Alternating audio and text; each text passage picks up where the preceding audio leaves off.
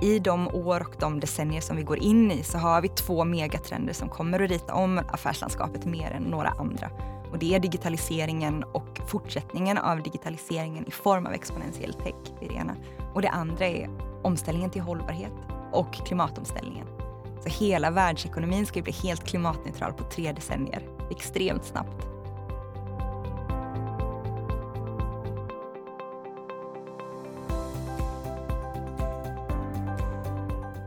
Varmt välkommen tillbaka till eh, Konkurrenskraft. Podden där vi pratar om framtidens beslutsfattande, verksamhetsstyrning och ledarskap.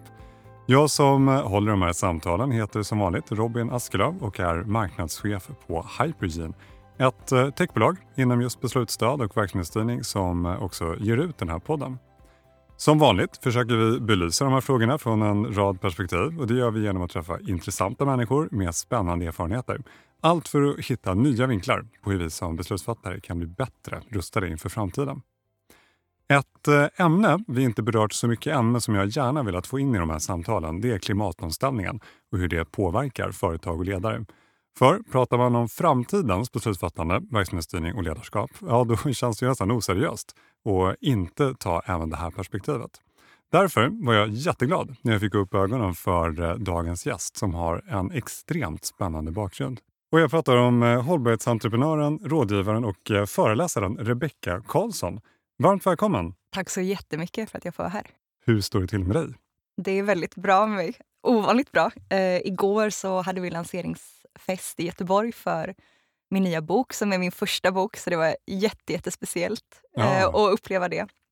Den kom med expressleverans ett par timmar innan så jag fick så här, rycka upp lådorna och sen hade vi lanseringsfest, coronaanpassat, så två, två lanseringsfester på raken. Och eh, Sen gick jag upp vid fem i morse, tog tåget till Stockholm, föreläst och nu är jag här och eh, fortfarande hög på att, att boken finns på riktigt. Ja, det måste vara ja, en speciell känsla kan jag tänka mig. Ja, jag är så glad. Ja, och sen kul. är det sol i Stockholm också. Allt är bra just nu. Allt är på, på positivt. Jag har fått fika. Ja, men bra. bra. Jag tänkte så här att vi ska placera dig på kartan lite för mm. lyssnarna. Eh, du har skrivit en bok uppenbarligen, den kommer vi komma tillbaka ja. till. Men du är ju entreprenör med flera bolag i bagaget och då har mm. ju främst varit eh, inriktning på hållbarhet. Ja. Eh, men sen så började du ju vad jag förstår i, i politiken. För länge sedan så var du språkrör för Grön ungdom mm. och eh, sen dess har du varit officiell svensk representant i FNs kommission för hållbar utveckling i New York. Mm. Arbetat som politisk sakkunnig åt Sveriges vice statsminister och klimat och miljöminister. Mm. Och eh, sen så rullade du ju på. Eh, dock med ganska mycket andra saker, för du är ju en av de få svenskarna som har utbildats vid eh, Singularity University i Silicon Valley. Mm. Eh, då bodde du under tre månader på NASA tillsammans med 90 entreprenörer och forskare från 47 länder. Mm. Jag har läst mig till. Intensivtränade sig att tänka exponentiellt och skalbart. Det ska vi definitivt komma tillbaka till. Det där är superspännande. Mm. Och sen så idag då, du är grundare och VD på affärsutvecklingsbyrån Hureka Ventures och sen är du en mycket anlitad föreläsare inom hållbarhet, affärsutveckling, framtidstrender, exponentiella teknologier och sen har du en rad utmärkelser från olika rankinglistor. Eh, och nu dessutom då, som du var inne på, aktuell med boken Exponentiell klimatomställning med undertiteln Hur vi kan stoppa klimatomställningarna tillräckligt snabbt och hur du bygger pionjärt hållbara företag. Mm. Fick jag med allt där? Mm. Ja, det är en eh, gedigen CV. Men du, jag tänker så här. Ja. I, um, I alla samtal i de här uh, avsnitten så brukar vi bara inleda med några, några snabba, korta frågor. Och Det är bara för att gästen ska få värma upp rösten lite. Mm. Känns det okej? Okay? Det låter jättebra. Då drar vi igång. Um, du har redan pratat om saker du har gjort som har varit roliga. Men, men när har du som roligast på, på jobbet, eller vad man ska kalla din, din jobbvardag? Men det är liksom när när jag är uppe sent och alla andra sover och, eh, och jag sitter i något hörn någonstans och eh, skissar upp nya affärsidéer eller nya affärsmodeller. Jag älskar det här liksom mm. tidiga, kreativa. Så här. Och när, när man får en ny affärsidé, det är mm. det absolut bästa jag vet. Mm. Ja, men härligt. Vad, om man tittar senaste året, vad är du mest stolt över? jag känner att för mig personligen så var bokskrivningsprocessen har inneburit, det har varit som en enda lång träning i någon slags här personlig integritet. Mm. Att liksom, alla har så mycket åsikter om hur den bör göras och jag är såklart också väldigt medveten om andra ja, någon kanske skulle vilja ha den sådär. Och så. Men att det har varit så många tillfällen när jag liksom, ja, men jag vill att den ska vara så här. Mm. Jag tycker att man måste veta det här och jag vill att den ska se ut så här. Och mm. att liksom hela tiden dra, dra tillbaka till en kärna som jag tycker är inspirerande och som, ja, men precis som jag vill ha den. Och nu är den som jag vill ha den. Så att, mm. eh, jag är så glad över den här mm. boken. Ja, men jag kan tänka mig att det där är en spännande process. Om man tittar framåt, vad tror du, eller kanske hoppas du, att du ska vara mest stolt över om tre år? Åh, oh, vilken bra fråga. Jag tror... Jag hoppas nog att de saker som jag kommer vara allra mest stolt över kanske inte är professionellt relaterade utan jag känner nog att jag är på någon slags personlig resa som handlar om att ha ännu roligare i mm. livet som helhet. Alltså det handlar lite om att här, gå tillbaka till den här liksom, kärnan och det man älskade att göra när man var fyra. Liksom, och bara tillåta sig att göra saker mer på det sättet som, som jag blir lycklig av. Men det andra är, är också på någon så långsiktig resa av att hitta former för att starta någon form av hållbarhets-startup-fabrik. Alltså mm, det, det som jag alltid har tyckt allra, allra mest om det är just den här hållbara affärsutvecklingen i tidigt skede. Att identifiera vilka trender är på ingång, vilka behov finns och man borde starta ett hållbart företag inom det här. Eller här finns det potential till en ny affärsmodell. Och det skulle jag både vilja hitta former att starta många fler startups, kanske mm. simultant mm. med olika entreprenörer som kanske har startat bolag tidigare men nu vill starta hållbarhetsbolag. Men också hjälpa etablerade befintliga bolag som vill göra mer pionjära saker på hållbarhetsområdet mm. och hjälpa dem med affärsutveckling. Vi kastar oss in i eh, intervjufrågorna tänker jag. Mm. Och, eh, jag skulle vilja börja med det här Singularity University. Mm. Eh, när man läser om det, det, det, låter väldigt spännande. Det låter som en otroligt intressant miljö. Mm. Eh, kan du inte bara eh, ta oss in i vad det handlar om? Vad är det för någonting och hur, hur kom du in? Singularity University startades för drygt tio år sedan av Google och NASA som gick ihop mm. och startade den här mycket märkliga skolan som ligger inuti NASA, alltså på Nasas campus. Så det är också en, liksom en det är som någon slags sagovärld. Liksom. Man kommer där med sin lilla rullväska och så visar man passet och sen går man in liksom, i in på NASA så står det en massa raketer överallt. Och gamla zeppelinarhangarer. Det är jätteroligt. Kvarglömt McDonalds som Otroligt. används av en ideell förening som printar originalkopiorna av månlandningsbilderna. Men det är allt är så här spejsat och ingenting som man någonsin har sett. Liksom. Men Singularity University startades för att utbilda företagsledare, entreprenörer, forskare och så vidare i hur vi kan använda exponentiella teknologier för att ta oss an vår tids största samhällsutmaningar. Så inte AI för att kränga lite mer annonser på nätet utan mm. AI för att utrota hunger eller säkerställa att alla kan få tillgång till rent vatten eller stoppa okay. klimatförändringar snabbare. Så det är just där, hur använder vi exponentiella teknologier för att det som är den ledande frågan är alltid how can you positively impact one billion people within 10 years? Så att, liksom, att använda ett skalbarhetstänk i att ta fram hållbarhetslösningar som snabbt kan göra livet bättre för många människor. Det är liksom mm. kärnan i allt. Vi var 90 personer i min klass från 47 olika länder. Yngsta mm. 21, äldsta 72 och verkligen salig blandning av bakgrunder. Och också sådär, man skulle ju dels så korvstoppas man ju med kunskaper om nya exponentiella teknologier och hur man kan använda dem, men man jobbar också på olika case. Man försöker ta fram konkreta lösningar mot slutet mm. av utbildningen. Ni drillades alltså i skalbarhet, hur ny teknologi ska lösa de stora problemen i världen. Då kommer man in på hållbarhet och du nämner ju också hållbarhet. Men jag tänker också att eh, apropå just det, du har tidigare sagt att hållbarhet ska man ju se som en disruptiv kraft. Kan du berätta mer om dina tankar där? Ja, men jag tror att om man liksom tittar på vad kommer hållbarhet och klimatomställningen också. Alltså hållbarhet som brett begrepp kommer från den så kallade Brundtlandkommissionen. Ja, det. det. är ett begrepp som det är bra att komma tillbaka till. För ibland pratar man om hållbarhet som att det kan betyda lite vad som helst eller lite mm. olika. Men, men det finns en definition av hållbarhet. Och det är att en hållbar utveckling det är en utveckling som möter dagens generationers behov utan att äventyra kommande generationer om deras möjligheter att möta mm. sina. Så det är därför det motiverar ju på något sätt hela klimatomställningen. Anledningen till att vi vill genomföra en klimatomställning är ju för att kunna möta dagens generationers behov utan att äventyra kommande generationers. Mm. Men det går ju heller inte att bara stirra sig blind på CO2-utsläpp till exempel. Utan vi behöver, hållbarhet är ju brett. Det är ju så många aspekter som, som möjliggör för oss att kunna möta dagens generationers mm. behov utan att äventyra kommande generationers. Um, men så vad det betyder... Alltså, när man tittar på hållbarhetspåverkan på näringslivet, då, då kan man se det som en disruptiv kraft. Alltså på samma sätt som digitalisering är en affärsmässigt disruptiv kraft mm. som helt ritar om affärslandskapet, så är hållbarhet också en disruptiv kraft som i grunden kommer rita om affärslandskapet. Så man kan se det lite som att i de år och de decennier som vi går in i så har vi två megatrender som kommer att rita om affärslandskapet mer än några andra. Och Det är digitaliseringen och fortsättningen av digitaliseringen i form av exponentiell tech. Det det ena. Och det andra är omställningen till hållbarhet mm. och klimatomställningen. Så hela världsekonomin ska bli helt klimatneutral på tre decennier. Extremt snabbt. Mm, och vi ser också att alltså vad, vad det innebär egentligen är att vi har en exponentiell förändring av både utbudet och efterfrågan i relation till hållbarhet. Och Det är det här som gör att det blir en disruptiv kraft. Så om vi börjar med efterfrågansidan så kommer vi att se en, eller upplever redan nu, en exponentiell ökning i efterfrågan på radikalt mer hållbara produkter och tjänster. Mm. Och Det här drivs för det första fram av att vi alla, men vissa ännu mer än andra, ju börjar uppleva konsekvenserna av den ohållbara utvecklingen på ett helt annat sätt än vad vi har gjort tidigare. Mm. Tidigare ekosystemen fungerat som en slags krockkudde. Mer än hälften av utsläppen som vi har haft har vi inte upplevt några konsekvenser av. Men nu börjar ekosystemen ju bli mättade och kollapsa mm. och vi upplever konsekvenserna av den ohållbara utvecklingen på ett helt annat sätt än tidigare.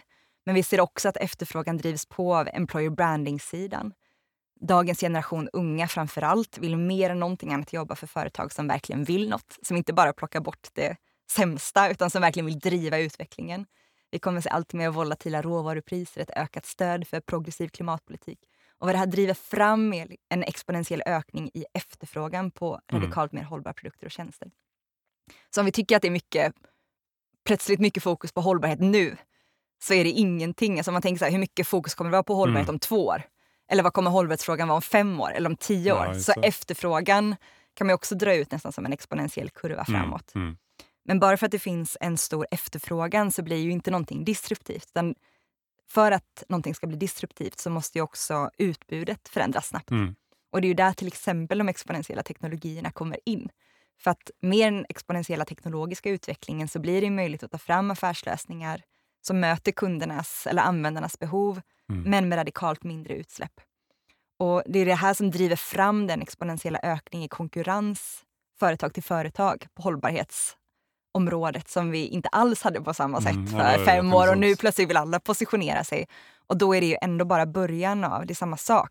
Hur kommer utbudet, eh, utbudets och konkurrenssituationen utifrån hållbarhetsaspekten vara om två år, fem år, tio år? Mm. Ja, det går snabbt nu. Mm, mm. Och inom vissa sektorer går det ju ännu snabbare. Och, eh, mitt intryck av det, det jag har satt och läst om dig, eh, det är att du har ett, eh, ett positivt eh, förhållningssätt till, eh, till klimatomställningen. Det, det jag menar då, det är att när, när andra pratar om domedags och katastrofscenarios så, så pratar du i och för sig också om det, men du väljer vinkeln att det finns möjligheter att lösa problemet. Inte minst när klimatomställningen och just de här exponentiella teknologierna möts. Och Lite förenklat så tänker jag att om man tidigare pratade mycket om exponentiell utveckling av faror så pratar du på ett sätt mer om exponentiell utveckling av uh, möjligheter, mm. vilket jag gillar. Håller du med om den tolkningen? Ja, det var väldigt bra sammanfattat. Jo, men om vi tittar på klimatfrågan till exempel så har vi ju haft en exponentiell ökning av utsläpp fram till idag. Mm. Men om vi kollar framåt, det vi behöver göra för att stoppa klimatförändringarna tillräckligt snabbt, det är att pika utsläppen 2020, halvera dem varje decennium och nå nollutsläpp 2050. Mm. Så pika i år, halvera mm. varje decennium globalt och nå nollutsläpp 2050. Och rikare aktörer behöver gå ungefär dubbelt så snabbt fram. Mm. Och då kan man ju tycka, åh det låter fasligt ambitiöst. Kan vi verkligen globalt halvera utsläppen varje decennium från och med nu och framåt? En del stater tror ju inte ens på, klimat, mm. på klimatfrågan överhuvudtaget. Men om vi tittar oss omkring i samhället så ser vi ju väldigt snabbt att utvecklingen går mycket snabbare på en rad andra områden. Så om vi tittar på teknikutvecklingen till exempel, som du var inne på, så är det ju väldigt många av teknologierna som följer Moores law, eller ungefär Moores law, så att de fördubblas i relation till pris ungefär var 18 till 24 månad. Kan du bara ta den ja. snabbt så lyssnarna hänger med? Moores lag känner många till, men, men, men bara dra den kort så, mm. vi, så vi är med. Det är jättebra. Jo, men Gordon Moore som är tidigare vd för Intel upptäckte just att datorers processorkraft fördubblas i relation till pris var 18 till 24 månad hela tiden. Alltså datorer blir dubbelt så effektiva på att processa information var 18 mm. till 24 månad i relation till pris hela tiden. Och det här är extremt snabbt. Det finns nästan ingenting annat som ökar så här snabbt över tid i alla fall. Många saker har en exponentiell utveckling under en kortare period, men mm. datorers processorkraft har ganska stabilt fördubblats i, i relation till pris för 1824 hela tiden. Och vad det här leder fram till är att alla de teknologier som har processorkraft i sin kärna också kan utvecklas exponentiellt. Och det är det samlingsbegreppet för det här är exponentiella teknologier. Så exponentiella teknologier är inga särskilda teknologier utan alla teknologier som utvecklas exponentiellt.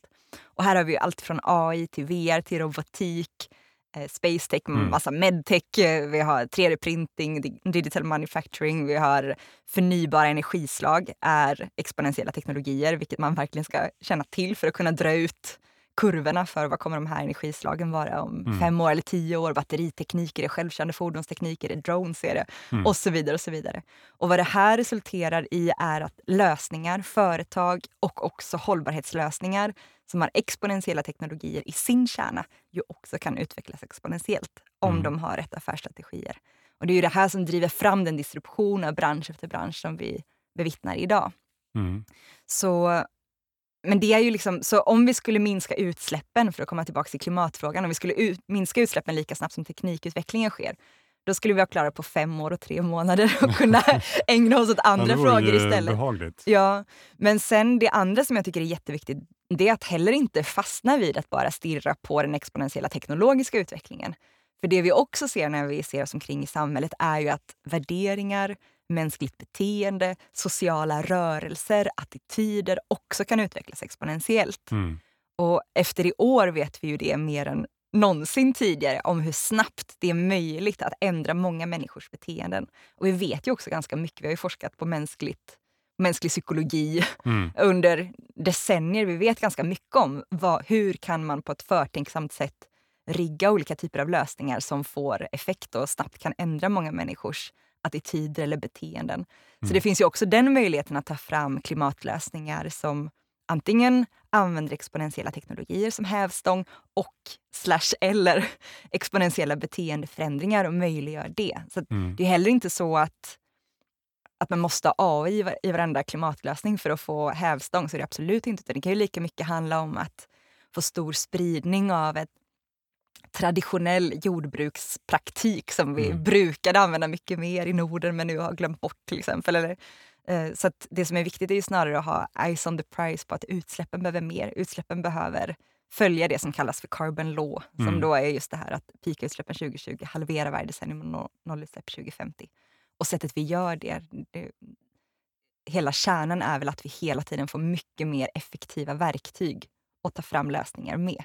Som ju då liksom möter användarbehovet men kan göra det på ett sätt som kommer med radikalt mindre utsläpp. Men, jag tänker det här med exponentiellt, för det tycker jag är intressant. Det är ju någonting som, som du återkommer till ofta i boken. Mm. Jag lekte med tanken att jag skulle räkna antalet gånger som, som ordet exponentiellt var med i boken, ja. men, jag, men jag gav upp det.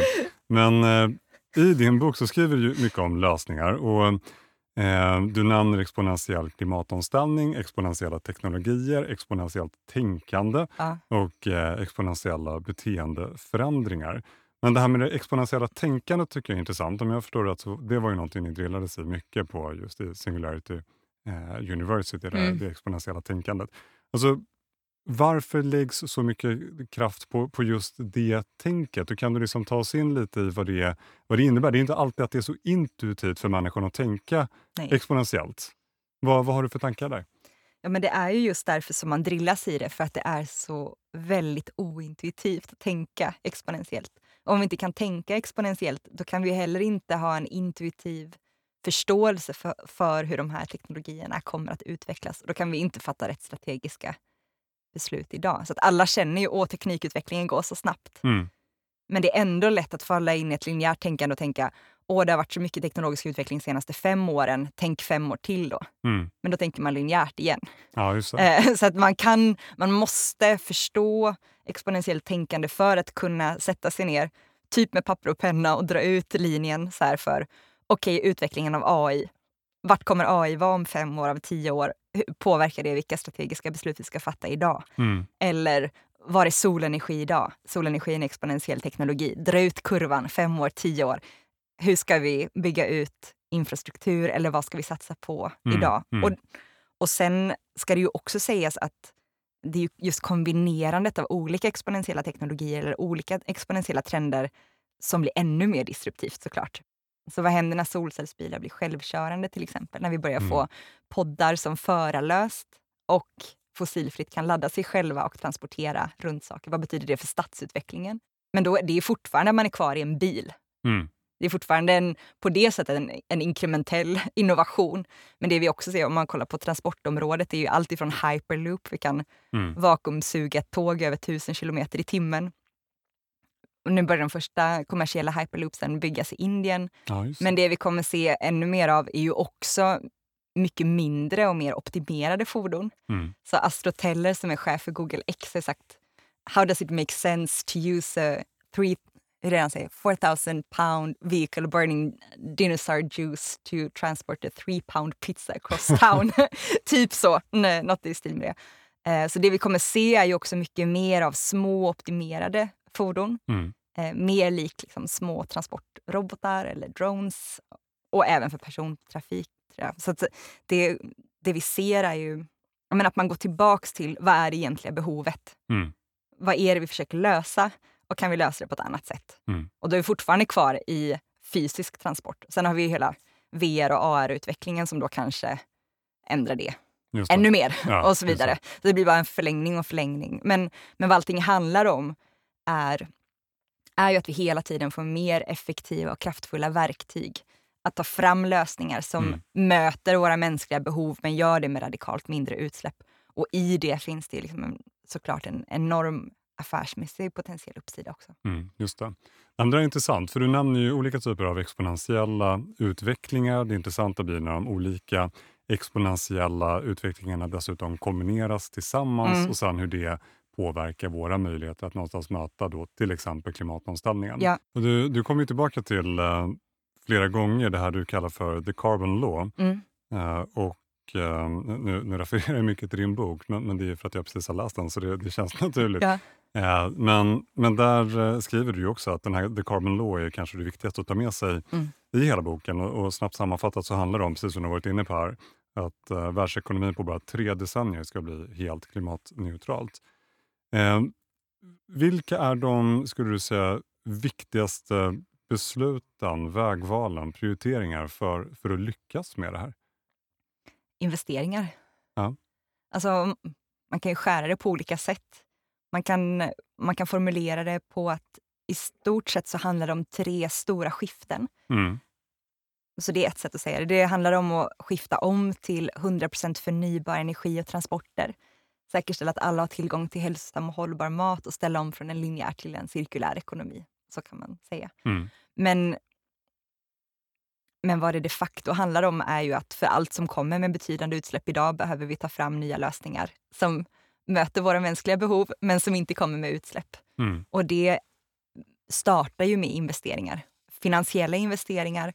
Men på ett sätt så tror jag att den största investeringen som vi behöver göra nu, det är den i kompetens kompetenshöjningen. Mm. Eh, att på samma sätt som... Men det finns så stora likheter egentligen mellan hållbarhetsomställningen och digitaliseringen. Det är samma sak. Så för för fem, tio år sedan skulle alla börja jobba med digitalisering. Det betydde ju inte att alla plötsligt visste hur de skulle ta sig an digitalisering. Mm. Utan det blir bara ett ok för vissa om man inte ja, får exakt. ordentlig kompetensutveckling.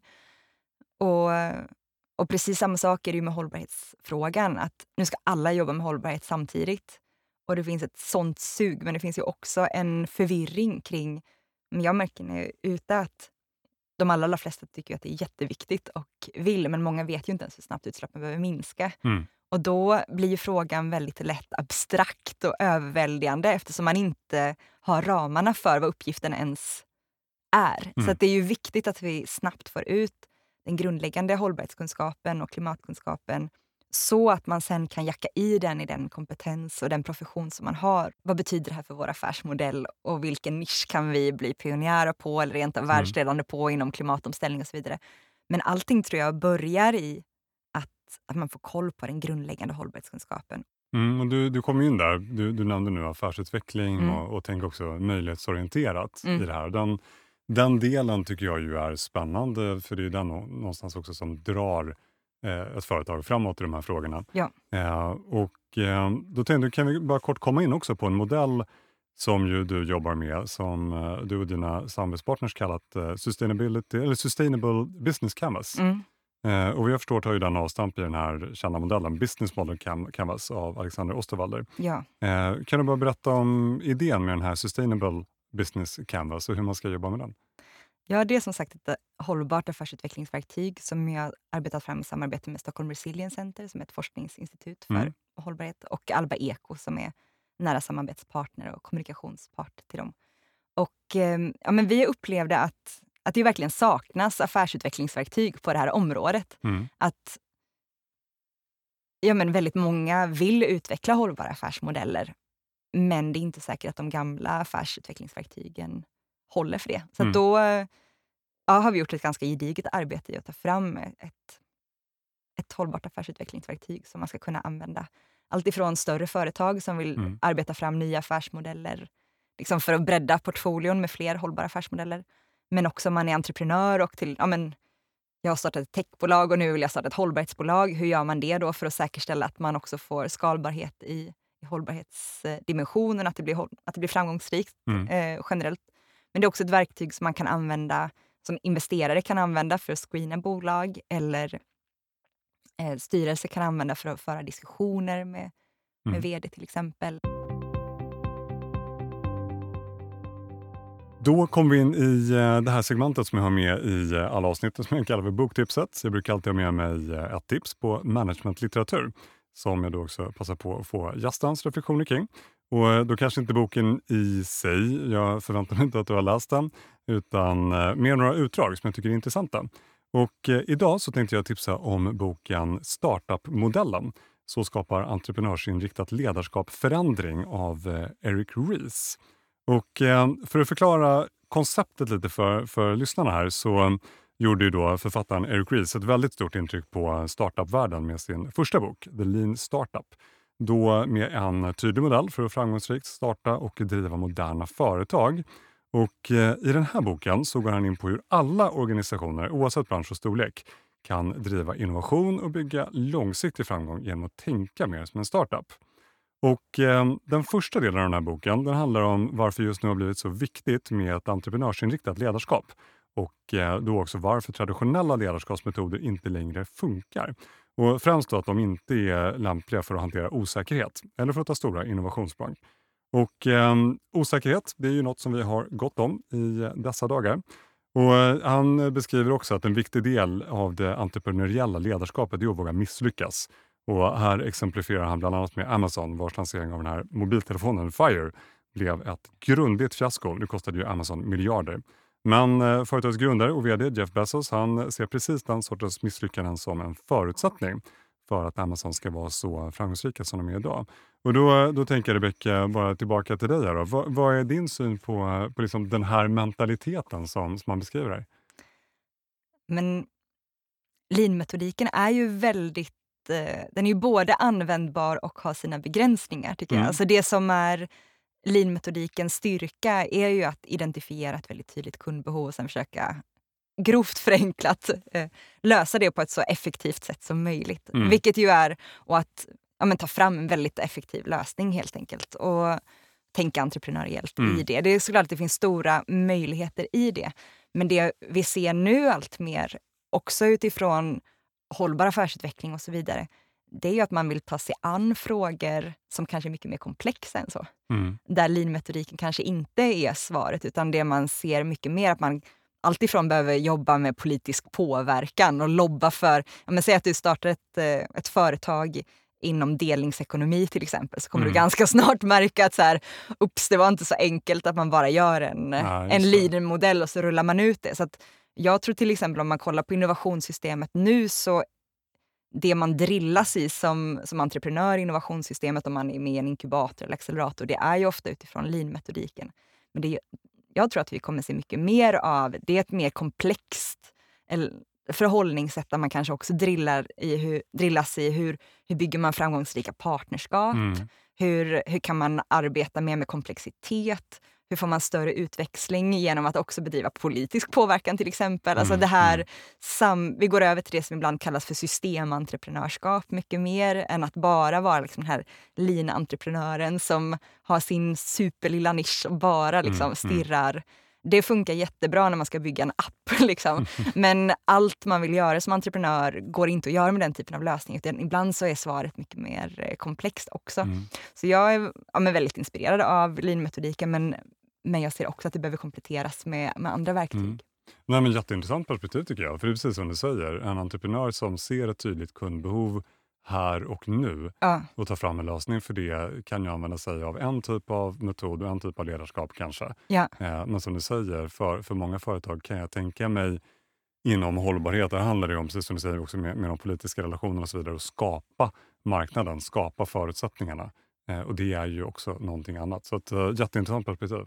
En eh, annan intressant sak eh, som man skriver vidare om i den här boken, det handlar om ansvar. Och då finns det ju i företag ofta liksom mer traditionella ansvarsområden. Det kan vara marknadsföring, teknik, ekonomi, IT och så vidare. Men eh, då frågar sig Erik Ries i den här boken vem har ansvaret för att hantera osäkerhet Mm. och frigöra oväntade former av tillväxt, som man kallar det. Och I små organisationer då är det såklart grundarnas ansvar, men i organisationer som växer så saknas ju normalt det som man kallar för en entreprenörsfunktion Mm. som övervakar tillväxtsatsningar och ser till att det arbetet genomsyras av en experimentell och iterativ mentalitet. Sen hade man ju i och för sig, det var min reflektion, kunnat säga att det någonstans handlar om affärsutvecklingen så, som alltid pågår. Men jag tänker kopplat till, eh, till det du har som fokus och så, så tänker vi klimatomställningen skulle ju kunna vara en osäkerhetsfaktor minst sagt hos, hos många företag.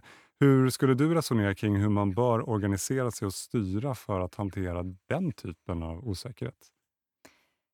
Ja, men det första är väl att, att på något sätt inse bredd, eller vidden av det. Att på samma sätt som vi går in i en tid som är så föränderlig att man kan inte bara säga att det är en funktions ansvar utan det är ju vdns roll, det är ju styrelsens roll. Och alla i hela företaget behöver ju kunna navigera utifrån hur snabbt utvecklingen sker. Mm. Så det här liksom, men företaget gör det det alltid har gjort och sen så har vi en liten en liten arm någonstans som sitter på replängds avstånd och driver innovation så ser det ju inte ut längre. Mm. Utan alla måste ju eh, ha den kapaciteten för att företaget ska bli framgångsrikt. Men, men samtidigt finns det ju såklart en, en poäng med att någon ändå är ansvarig för det.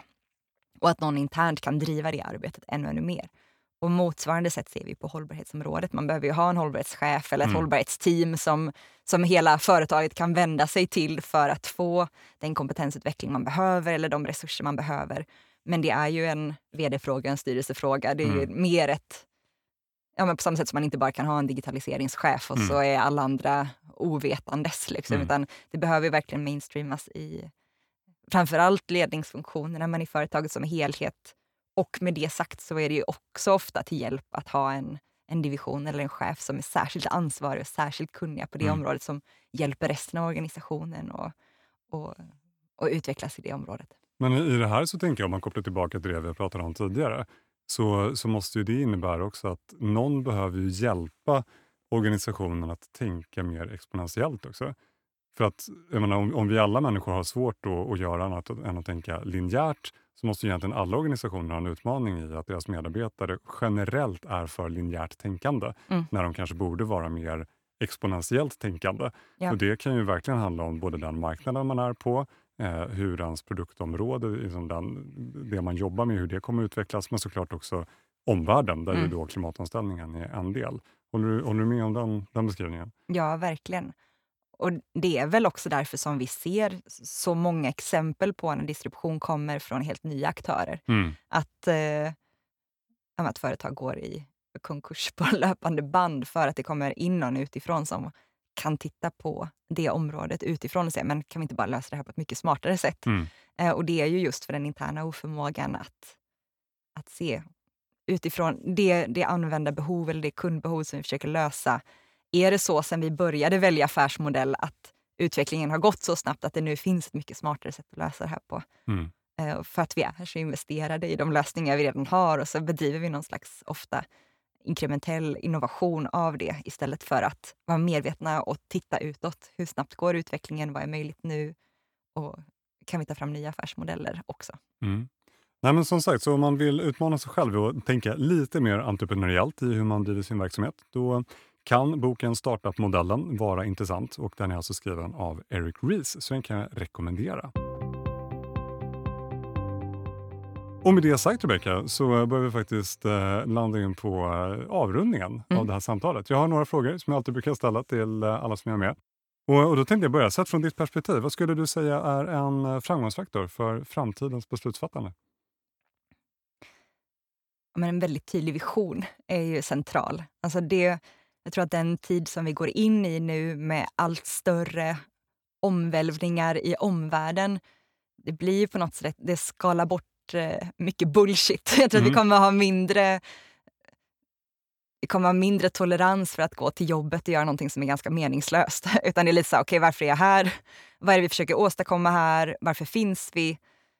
Vilken nisch av klimatomställning eller hållbarhetsomställning överhuvudtaget är det vi försöker åstadkomma? Och givet det jobbar vi på det, mest, på det smartaste sättet utifrån det vi vill åstadkomma. Så på det sättet så blir ju företag mer kanske lika hur ideella organisationer mm. har, har verkat tidigare. Mm. Mer syftesdrivet Mycket mer syftesdrivet. Eh, vad skulle du säga är nyckeln till framtidens verksamhetsstyrning? En sak som jag tycker är intressant just utifrån att utvecklingen går så himla snabbt på många områden, det är det här med kompetensutveckling. Mm. För att kompetensutveckling fortfarande i företag är ju ofta så här, en kompetensutvecklingsdag där eller man kollar på TED-talks på mobilen när man åker till jobbet. Mm. Eller liksom, men givet hur snabbt utvecklingen går, om vi bara tar teknikutvecklingen igen, så som exempel så beräknar man att de kommande 100 åren kommer motsvara 20 000 år av teknologisk utveckling. Mm, alltså om vi tycker att det har varit mycket teknologisk utveckling de senaste 100 åren, om vi jämför det med de kommande 100 åren så kommer 100 kommande åren vara 20 000 år av teknologisk utveckling då, hur ska vi då kunna kompetensutveckla oss motsvarande det? Mm. Det kan vi inte, tror jag, rimligtvis göra på någon dag här och där. Mm. Och samtidigt som, eftersom att affärslandskapet blir så mycket mer disruptivt så, så att, kommer det ju också vara mycket mer lönsamt att verkligen vara on top of things. Så jag tror till exempel att det inte kommer vara otroligt att vi kommer ägna, men jag tänker för egen del också, så här, ska jag börja ägna två, tre dagar i veckan åt kompetensutveckling. Mm.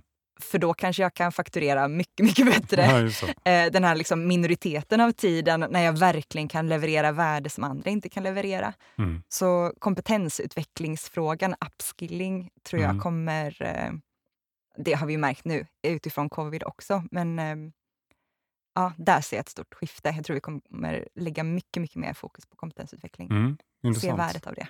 Om man tar den eh, på ett sätt mjukare varianten av verksamhetsstyrning, eh, eller den mjukare sidan av det, eh, ledarskap och tittar mm. på framtidens ledarskap, vad tror du är nyckeln där? tror ju att det är det syftesdrivna igen, ja. eller visionsdrivna. Att vi vill ha mening. Mm. Annars så... Och det här är ju också, det här är ju verkligen en klassfråga. Det är inte alla som har den lyxen. Jag tror att de flesta som har, har möjligheten kommer inte vilja jobba om det inte... Alltså vi kommer inte behöva jobba och vi kommer inte vilja jobba om det inte är för någonting som vi bryr oss om. Mm. Eh, vi blir mycket mer krassa där, då går vi någon annanstans. Liksom.